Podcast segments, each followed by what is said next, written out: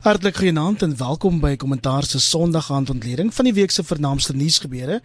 Dit was 'n bedrywige week en ek en die paneel is gereed om teen 'n redelike pas na verwikkelinge op eie bodem sowel as in die buiteland te kyk en op die lyn die joernalis Jan Jan Joubert, Nanse Jan Jan. Goeienaand Iwer, naand aan ons luisteraars en aan mededeelnemers. Goeienaand ook aan professor Antoni van Nieuwkerk van Witse Skool vir Regeringskunde. Dankie Iwer, goeienaand. En ons verwelkom ook Marie Harris. Sy is 'n direkteur by Ipsos en 'n onafhanklike kommentator. Nancy Marie. Goeienaand, Iwer en goeienaand almal anders. Kom ons skop af met nuus dat die regering wil appeleer teen 'n bevinding van die Hooggeregshof in Pretoria dat van die rampbestuurregulasies waaraan ons die laaste 10 weke onderwerp is, onwettig en volgens die hof selfs irrasioneel is. Jan Jan, ek gaan jou vra om die gesprek in te lei met 'n paar algemene opmerkings. Die uitspraak stel nogal 'n paar belangrike vrae oor grondwetlike beginsels, Jan Jan. Ja, en ek dink nie die uitspraak stel dit baie goed nie. Ehm um, ek dink dat daar 'n baie goeie kans is dat hierdie appel van die regering gaan slaag. Ehm um, dis 'n vreemde uitspraak. Ehm um, dit dit verklaar basies alle ehm um, regulasies ehm um, jy weet buite orde en ehm um, ek dink dit is 'n uh, regtig vreemde uitspraak. Men mense respekteer dit totdat dit geappeleer word en ek seker ek ek is baie seker die appel sal slaag want um, daar is mos van die regulasies wat um, wat heeltemal rasioneel is byvoorbeeld om maskers te dra byvoorbeeld om kinders in sarsies laat laat terug gaan skool toe ensovoorts ensovoorts jy weet so um ek kan nie eintlik verstaan dat die Hooggeregshof so 'n uitspraak gelewer het nie. Ek's nie alleen in my mening nie. Professor Almindo Plessis um van die Noordwes Universiteit sekerlik een van ons land se voorste regsbreine, die sê dit was 'n gulde geleentheid verspeel om um jy weet onderskeid te tref tussen dit wat rasioneel is en dit wat nie rasioneel is nie.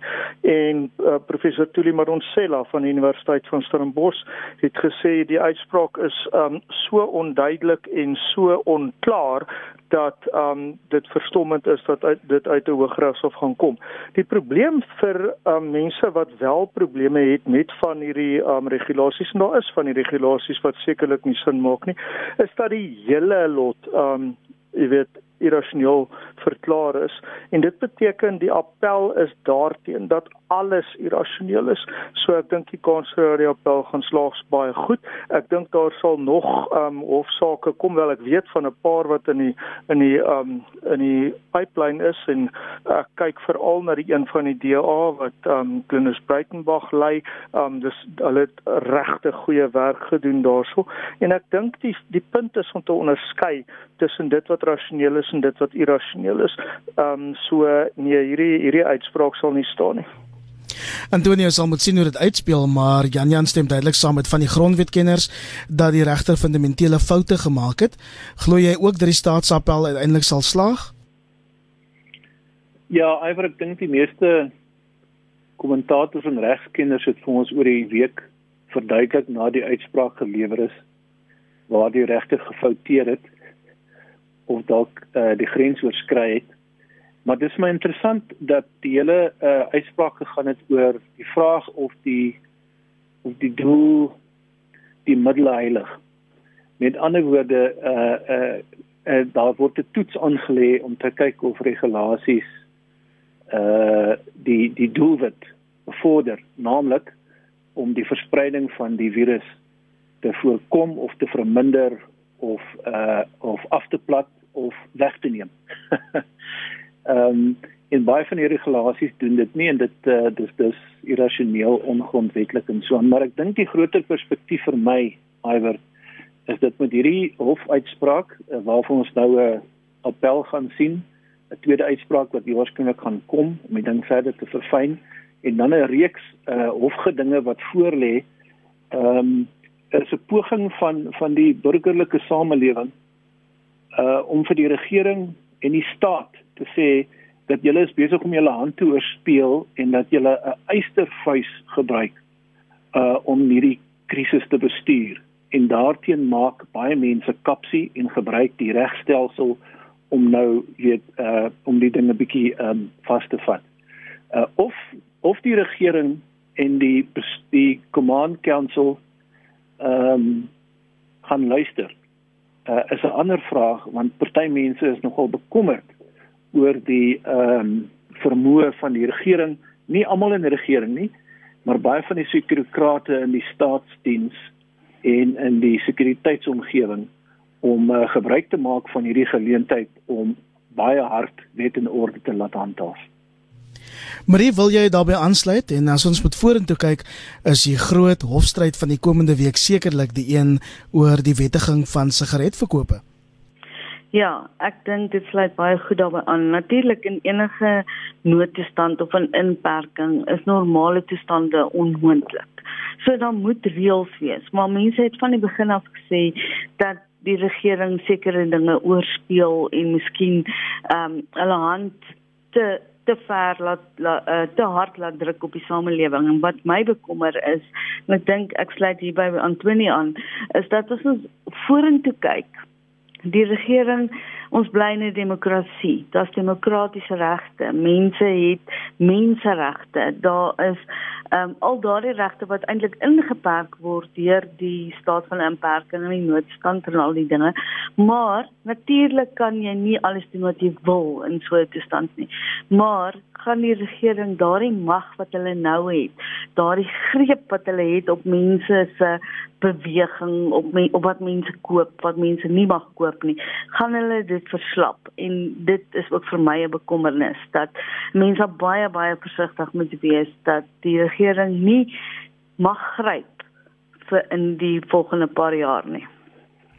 Jan Jan, jou verwagting oor hoe die sigaretdrama in die hof gaan uitspeel en sommer om die gesprek saam te vat? Ek moet jou eerlik sê, net vir binne my gesin en in belang van my arme gefrustreerde en baie ongelukkige pa hoop ek regtig die tabak mense wen.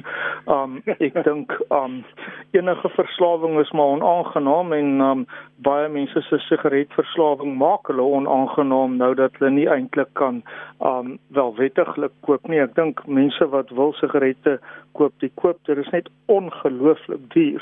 En um die mense wat geld maak is die onwettige tabak um vervaardigers. Daardie um kennisse as dit dan nou nie vriende is nie van Dr. Nkosazana Dlamini Zuma soos Adriano Mazzotti. So um ek dink hulle kan maar gerus dit wettig. Um kyk, die punt is aan die begin van hierdie um van hierdie Grendelstaat was daar twee basiese redes daarvoor en net twee. Die eerste is dat um die regering moes ons gesondheidstelsel so reg kry as wat ons kon um vir hierdie geweldige groot epidemie wat nou op ons is. En tweedens het mense nie eintlik geweet wat is hierdie COVID nie en nou weet mense. So ek dink dis nou tyd vir mense om te begin eie verantwoordelikheid neem. Ons is die regering se landsburgers. Ons is nie die regering se kinders nie.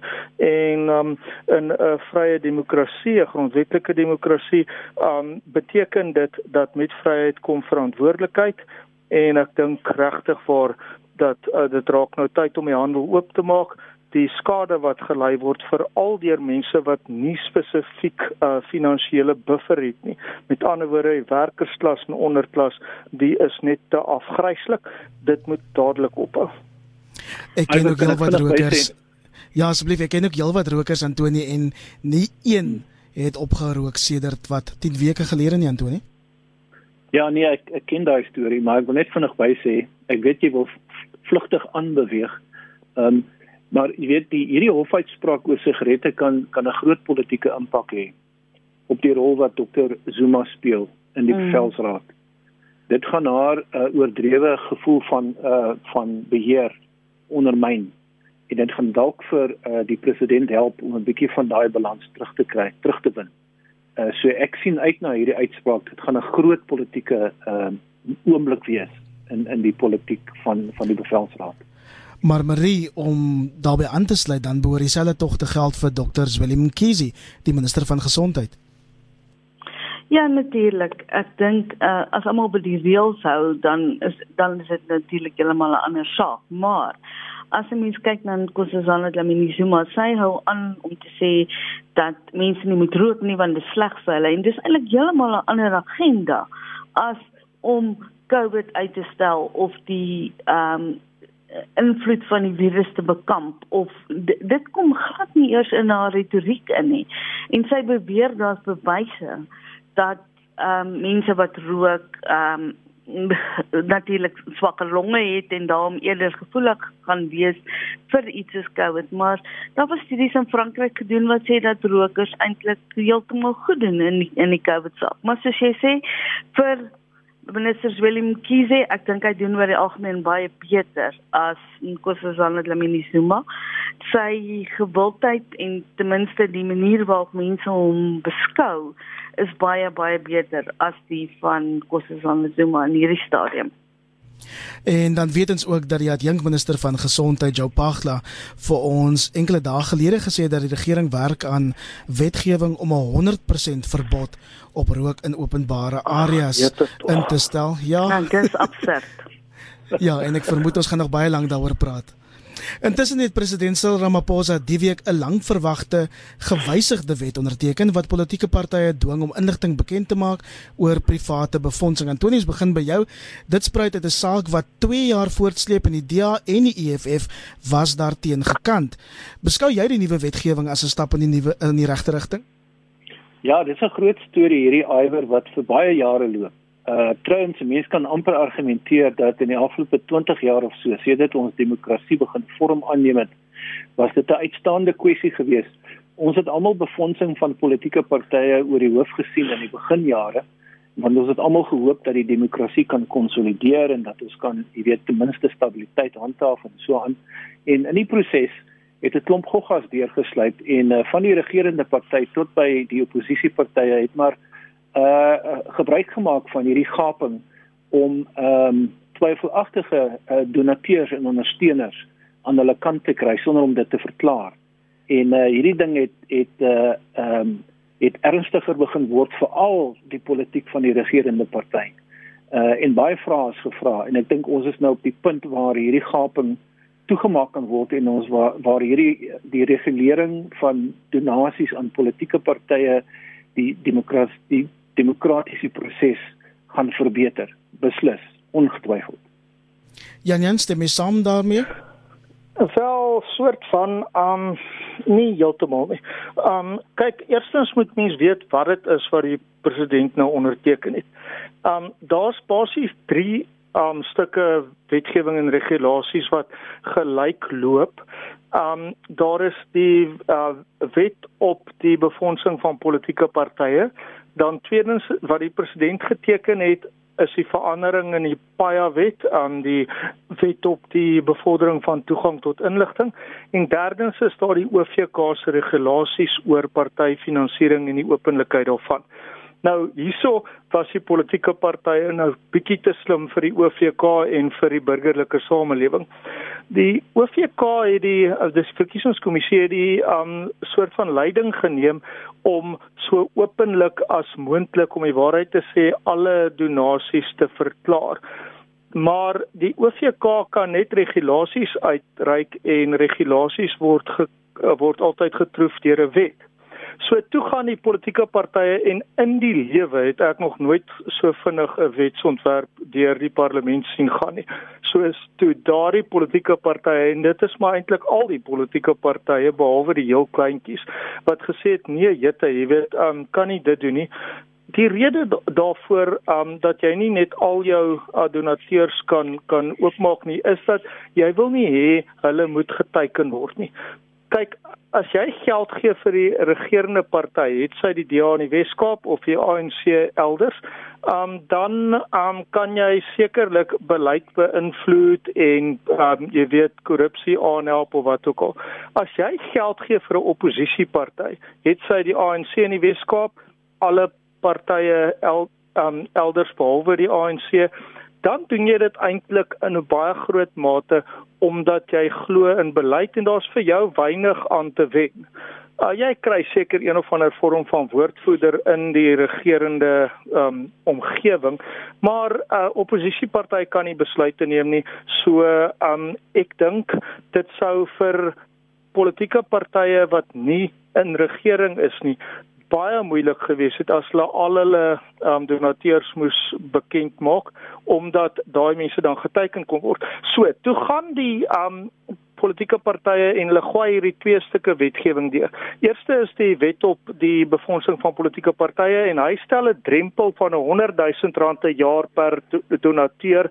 Enige iets um onder 'n 100 000 rand hoef nie verklaar te word nie. Dit maak natuurlik 'n gat so groot soos 'n waanhuisdeur oop. Gestel my familie wil geld gee vir die EFF en sommer baie en gestel ons het dit nou gehad, dan kan my pa 99 000 rand gee, my ma 99 000 rand, albei my broers en my suster en ek. So um daar's 'n gat so groot soos 'n waanhuis deur daarso. So is nie heeltemal die die nuwe Jerusalem wat aangebreek het nie. Tweedens dan die Paya wet, die een wat die uh, president nou onderteken het, is net 'n klein verandering aan daai wetgewing om te sê dat jy daai wet ook kan gebruik om um die inligting te bekom van uh politieke partye se donateurs wat 100 000 rand of meer per jaar gee. Dis al wat hier gebeur het. Uh, Marie Janjan sê dit is nie heeltemal die nuwe Jerusalem nie en dit het my ook opgeval hierdie week dat daar kommer is dat die wetgewing 'n beduidende risiko inhou vir die openbare persepsies van die onafhanklike verkiesingskommissie want jy gaan nou moet onthou dat hulle die geld op 'n proporsionele basis moet reguleer en ook uitbetaal as ek dit reg verstaan. Mm. mm. Ja, dit gebeur ook baie met mense wat geld gee vir partye dat hulle op 'n proporsionele basis geld gee vir verskillende politieke partye. Ehm um, maar dit is heeltemal 'n ander kwessie. Kom ons praat oor die OVK. Ja, ek dink dit gaan die OVK meer blootstel hoewel die OVK redelike goeie aansien in die land het en dat en ook aansien het op die manier waarop verkiesings gereguleer word in ons land. En dan word oor die algemeen aanvaar in Suid-Afrika dat ehm um, verkiesings vry en regverdig is as 'n mens dit doen. Dit is nie altyd die wil van die mense nie. Dis baie interessant, maar natuurlik ook omdat ons stempersentasie laer en laer word, sê meer en meer mense dis dis nie noodwendig 'n uitdrukking van die wil van die mense nie, maar dat die verkiesings vry en regverdig is en dat die OVK baie groot aanhang en vertroue geniet is baie waar. Hierdie nuwe wet wat ek dink nie een van die twee werkers reg nie soos Jan Jan uitgewys het, is gaan hulle werk baie moeiliker maak. Um, As jy pas mens ingeskakel het, asseblief. Kan ek net daar sê, Iver? Um, ja? Ek sou nie saamstem nie want die OVK se werk is is iets anderster. Die OVK se werk is net om daai geld wat uit die staatskas aan politieke partye proporsioneel toegewys word te te laat uh, bestuur en korrek aanwend. Um waaroor dit hier gaan eintlik is private skenkings en daarmee het die OVK niks te doen nie. As jy sopas by ons ingeskakel het, is nou presies 19 minute oor 8. Jy luister na kommentaar op 100 tot 104 FM. Die ANC is hierdie week wyd gekritiseer vir sy reaksie op die dood van Collins Kosa na bewering aan die hand van die polisie en die weermag wat regulasies oor inperking afgedwing het. Kosa se dood word vergelyk met die van George Floyd, wie se beweerde polisie dood op kamera vasgelê is.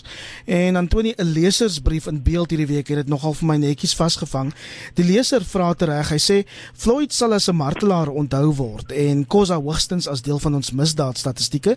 En dan vra hy 'n vraag wat ek vir jou wil vra Antoni, hoe voel jy oor kritiek dat ons regering 'n hoër premie plaas skynbaar op die lewe van swart Amerikaners as swart Suid-Afrikaners? Dis wat Suid-Afrikaners hierdie naweek ehm um, gesê het na aanleiding van die ANC se reaksie hierop. Sjoe, daar's nou baie om daar's baie daai sin om te bespreek, Iwer.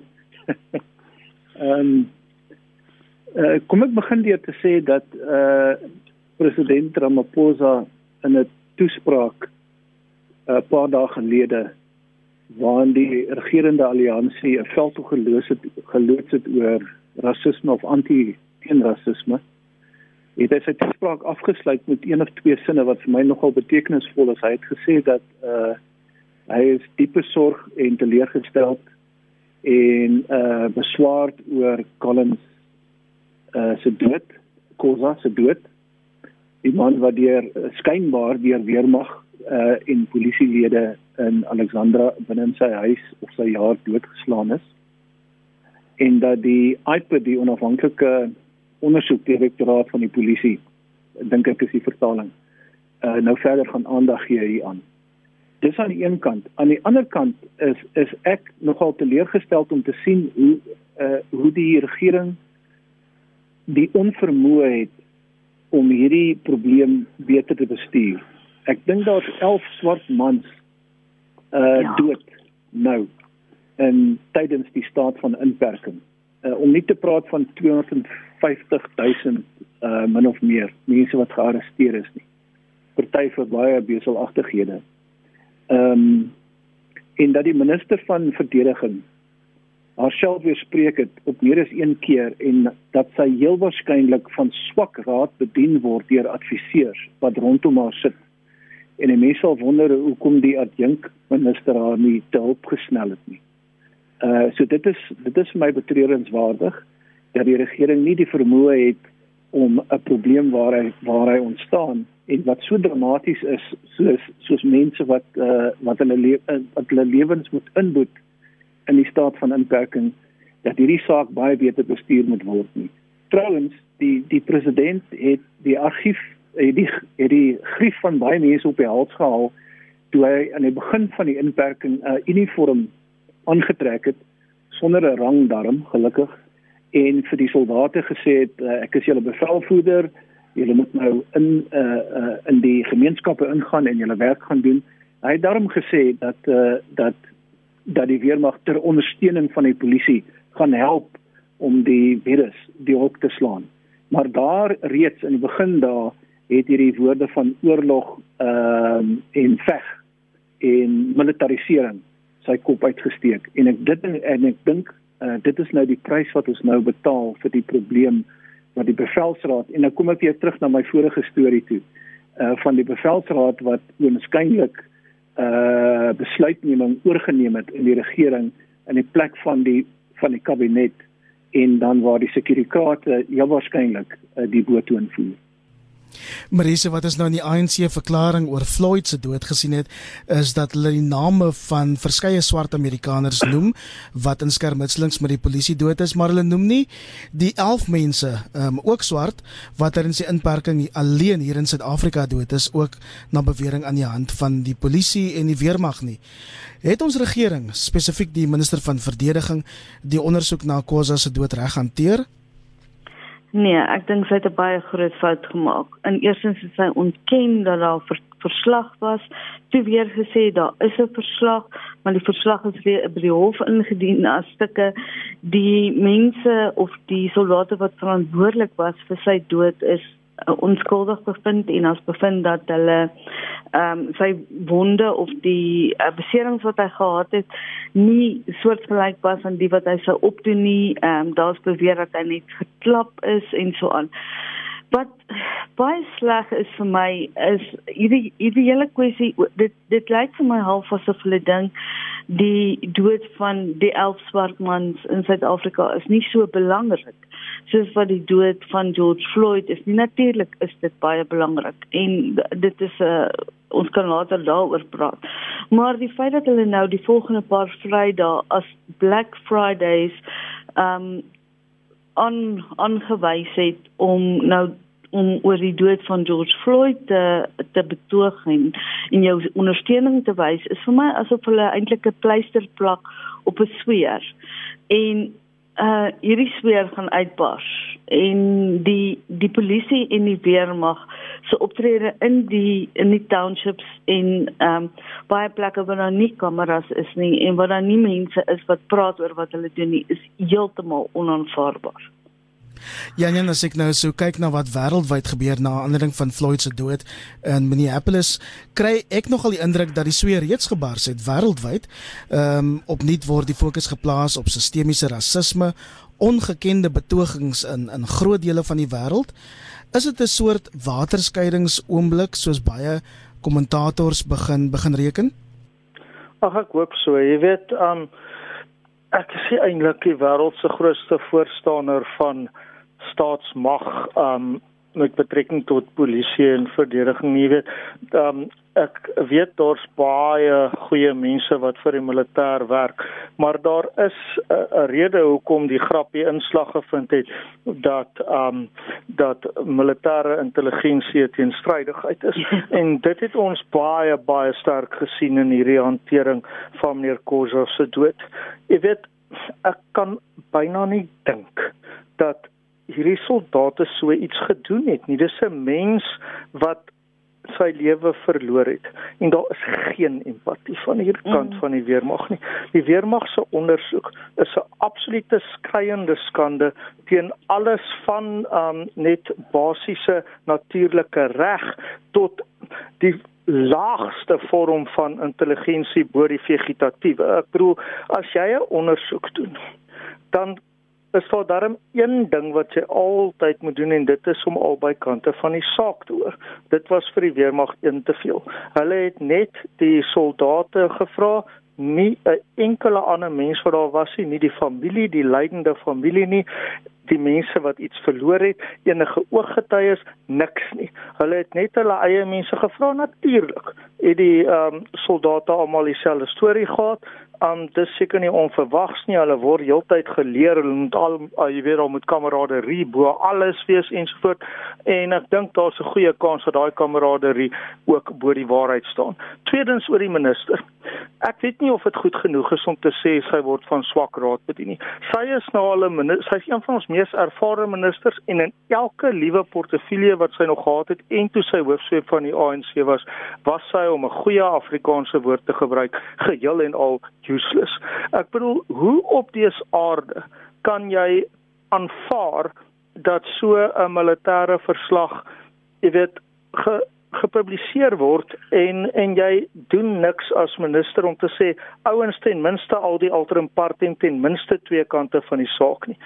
Dan um so ek hoop dat daar benewens nou iPad uh, wat die polisie se se um inset in hierdie hele tragedie sal bestudeer hoop ek dat daar ook 'n siviele eis sal kom um sodat die weermag kan leer en ek hoop elke een wat op daai komitee gesit het wat wat die weermag ondersoek gedoen het word persoonlik verantwoordelik gehou want daar moet een of ander vorm van appel teen wees en daar moet 'n skuldig bevinding wees en daar moet 'n straf wees um, wat my aanbetref persoonlike koste vir die mense wat wat so 'n belaglike ondersoek doen. Jy weet dit is mag wat hulle het maar hulle het ook verantwoordelikheid hulle verantwoordelikheid glad nie um, nagekom nie dan net laastens daardie 11 swart mans wat dood is en wat nou sommer niks is vir die, vir die regering terwyl uh, George Floyd um, nou so ontsettend belangrik is dis nouliks die eerste keer dat hierdie regering regtig waar mense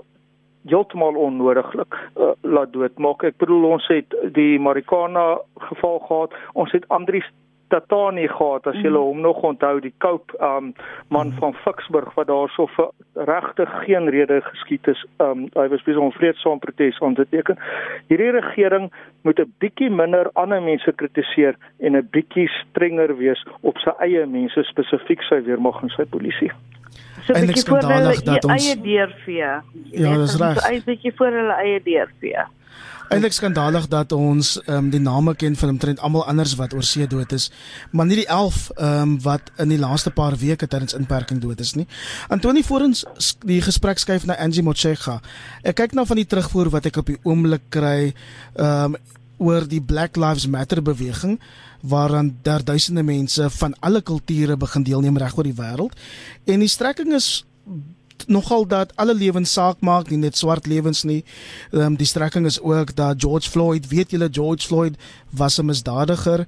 Ehm um, en ek wil vir jou eenvoudig vra, wat dink jy kan ons hier in Suid-Afrika leer uit wat tans wêreldwyd afspeel? Sjoe, I was Dis nou weer eens so 'n uh, ons kinderlik maklike vraag wat moeilik is om te beantwoord. Uh daar's 'n ironie uh, in die slagspreuk Black Lives Matter.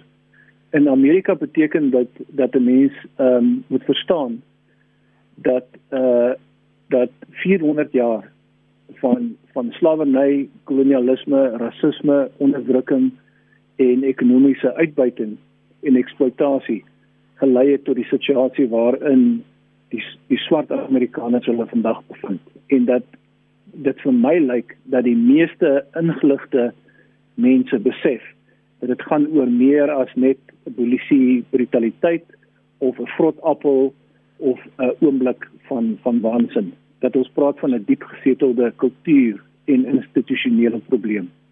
Uh ons moet uh, dit wat ons daar sien en leer by ons toepas want hier uh, Black Lives Matter is ook belangrik vir ons as Suid-Afrikaners. Ons ken ook 'n lang geskiedenis van eksploitasie, onderdrukking, rasisme en so voort. En uh as daar enigiets is wat ons met mekaar uh, in dialoog moet tree, is dit na 20 of 25 jaar van demokrasie moet ons vir onsself probeer uitwerk hoekom dit is dat die regering so sukkel uh, om hierdie uh, diep geseelde probleme in ons eie samelewing nie beter vas te vat nie. Um, ek wil vinnig byvoeg uh met met die dood van van Collins Kosa. Uh ek verstaan dat dat ons driftig kan wees oor oor die onvermoë van die regering om daadwerklik op te tree en dit toelaat en miskien gaan dit weer gebeur onder 'n staat van van ehm um, inperking. En maar vir my beteken dit iets anderster. En wat ek hier raak sien iwer is die spanning binne in die regerende party en binne in hierdie bevelsraad uh oor hoe om hierdie sake beter te bestuur. En ek dink die president is in 'n baie ongemaklike plek. Nie net met uh met hierdie minister van verdediging nie, maar met uh, die minister van Kotta, um uh, dokter Dr. Koza en 'n paar ander kalante wat in die top 6 van die uh, van die regerende party sit wat sê ons gaan hierdie ding van agter die muur bestuur om seker te maak dat uh, die ding in 'n rigting gaan waarvan ons hou om nie eers te praat van radikale ekonomiese transformasie nie. Ehm um, ek dink die president vind dit baie moeilik om uitdrukking te gee aan sy eie persoonlike gevoel oor waarheen die land bestuur moet word met hierdie tipe van ministers wat hy wat hy ehm um, in in sy span het. Iemand het uh, so 'n week of twee terug geskryf dat dit nou tyd is vir 'n kabinetskommeling. En uh, nou moet jy jouself afvra as jy van hierdie uh, kalante ontslaa raak, met wie vervang jy hulle en gaan dit uh, die president se pos en se taak makliker maak? Ek wens ons kon nog 'n bietjie dieper daaroor delf, maar terwyl van die tyd gaan ons moet aanbeweeg, want ek is seker baie ouers ehm um, wil hoor wat wat julle dink van minister Angie Motshekga se inligtingsessie vanmiddag oor die pad vorentoe vir skole te midde van die koronavirus pandemie. pandemie. Marie, die minister sê nou 95 van 95% van alle skole is gereed om om te heropen na 'n week van nog 'n week van drastiese verbeterings. Het sy daarin geslaag om jou vanmiddag gerus te stel? Nee, sy het regtig nie daarin geslaag nie. Sy het wel gesê sy het sommige van die provinsies geloof vir wat hulle gedoen het. Sy het dankie gesê vir die donasies wat vir vir die uh, onderwysdepartement gegee is en ook ehm um, van die private sektor wat haar ondersteun het. Maar daar's 80% van ouers in hierdie land wat gesê het hulle wil nie baie graag hulle kinders terugstuur skool toe nie. Nou baie van hulle is in 'n situasie dat hulle nie anders kan nie want hulle moet gaan werk of uh, hulle hulle kan nie vir hulle hulle kinders tuis onderrig gee nie. Ehm um, hulle die kinders moet skool toe gaan en dit is nou die graad 7 en graad 12 sal van ons praat hier. Maar ek dink nie sy het my gerusstel nie en die die storie dat ehm um, kinders nie so vatbaar is vir die virus nie dit soos hulle in Engels sê dit was ook nie met my nie dit was ook nie heeltemal met my nie ek dink die 95% van skole wat sogenaamd voorberei is is definitief oorskat daar is meer as 300 skole wat beskadig is in hierdie tyd van ehm um, inperking waar gaan daardie kinders heen? Hulle sê wel dat hulle ander geboue gaan gebruik, nabye skole gaan gebruik, maar wat daarvan is die volgende groep kinders in die begin van Julie moet terug aan skool toe en die volgende groep in die begin van Augustus. Ek ek het 'n so 'n soort van onrus in my dat hierdie net die probleem groter gaan maak en nie kleiner nie. Janjan Ja, ehm um, ek uh, dink mevrou Motshek het die regte ding gedoen. Ehm um, jy weet in een of ander tyd moet die kinders terugkom in die skool. En daar's verskeie redes hoekom. Die eerste is dat in veral die swak funksionerende deel van ons onderwysstelsel baie seker is dat daar nie behoorlike tuisonderrig was nie en nie behoorlike kommunikasie tussen um onderwysers en kinders nie. In die beter funksionerende deel van die onderwysstelsel het skole eintlik fenomenaal gedoen, maar daai kinders um in daai beter funksionerende deel van die onderwysstelsel het um het rekenaars en die onderwysers kon aanlyn klas gee ensovoorts. Dis ironies dat dit ook daai skole gaan wees wat uh, heeltemal gereed is. Ons het in die Weskaap reeds gesien dat um daar beginne is en daar is geen rampe tot dusver nie. Ek dink 'n mens moet dit nie te moeilik maak nie. Al wat hier moet gebeur is dat die graad 7s en graad 12s se klasse en hulle toilette en seker die personeelkamer moet um moet jy weet um gereinig word en hulle moet hulle maskers kry en seker handskoene wel ek weet ook nie hoe gaan hulle skryf nie. Maar die punt is mens moet dit nie te moeilik maak nie. Eintlik moet mens onthou onderwysers word almal dieselfde betaal sedert 1995. So selfs in arm skole is dit dan nou regtig waar tyd vir onderwysers om miskien self die um, reiniging van die klaskamer te doen. Dis nie so ontsettend duur nie en ons moet onthou in onderwys is die basis van alle onderwyswetgewing is die belange van die kind is eintlik al wat belangrik is. Dit is in die belang van die kinders om terug te kom by die skool A om te leer, B omdat hulle andersins sosiale skade gaan opdoen. Sosiale vorming is miskien die belangrikste ding wat 'n skool doen. Kinders moet maatjies hê, hulle moet interaktief wees. Nou hoop mense hulle raak nie siek nie. En ek dink daai 80% van ouers nie eintlik 'n probleem dat hulle kinders moet teruggaan skool nie. Ek dink hulle is maar net te daksels dankbaar dat hulle nie meer met die goed jou die kinders heeltyd by die huis sit nie. Die 80% wil net nie hê dat die kinders moet siek word nie. En nou hoop mense nou maar net dat mense verantwoordelik gaan wees. Jy weet ons land het 28000 skole. Um elke een van daai skole is sy eie klein wêreltjie. Ek hoop dat elke onderwyser veral in arm gemeenskappe baie versigtig sal wees en maar nie sal wag vir die staat nie eerder maar net self die um die reiniging sal doen.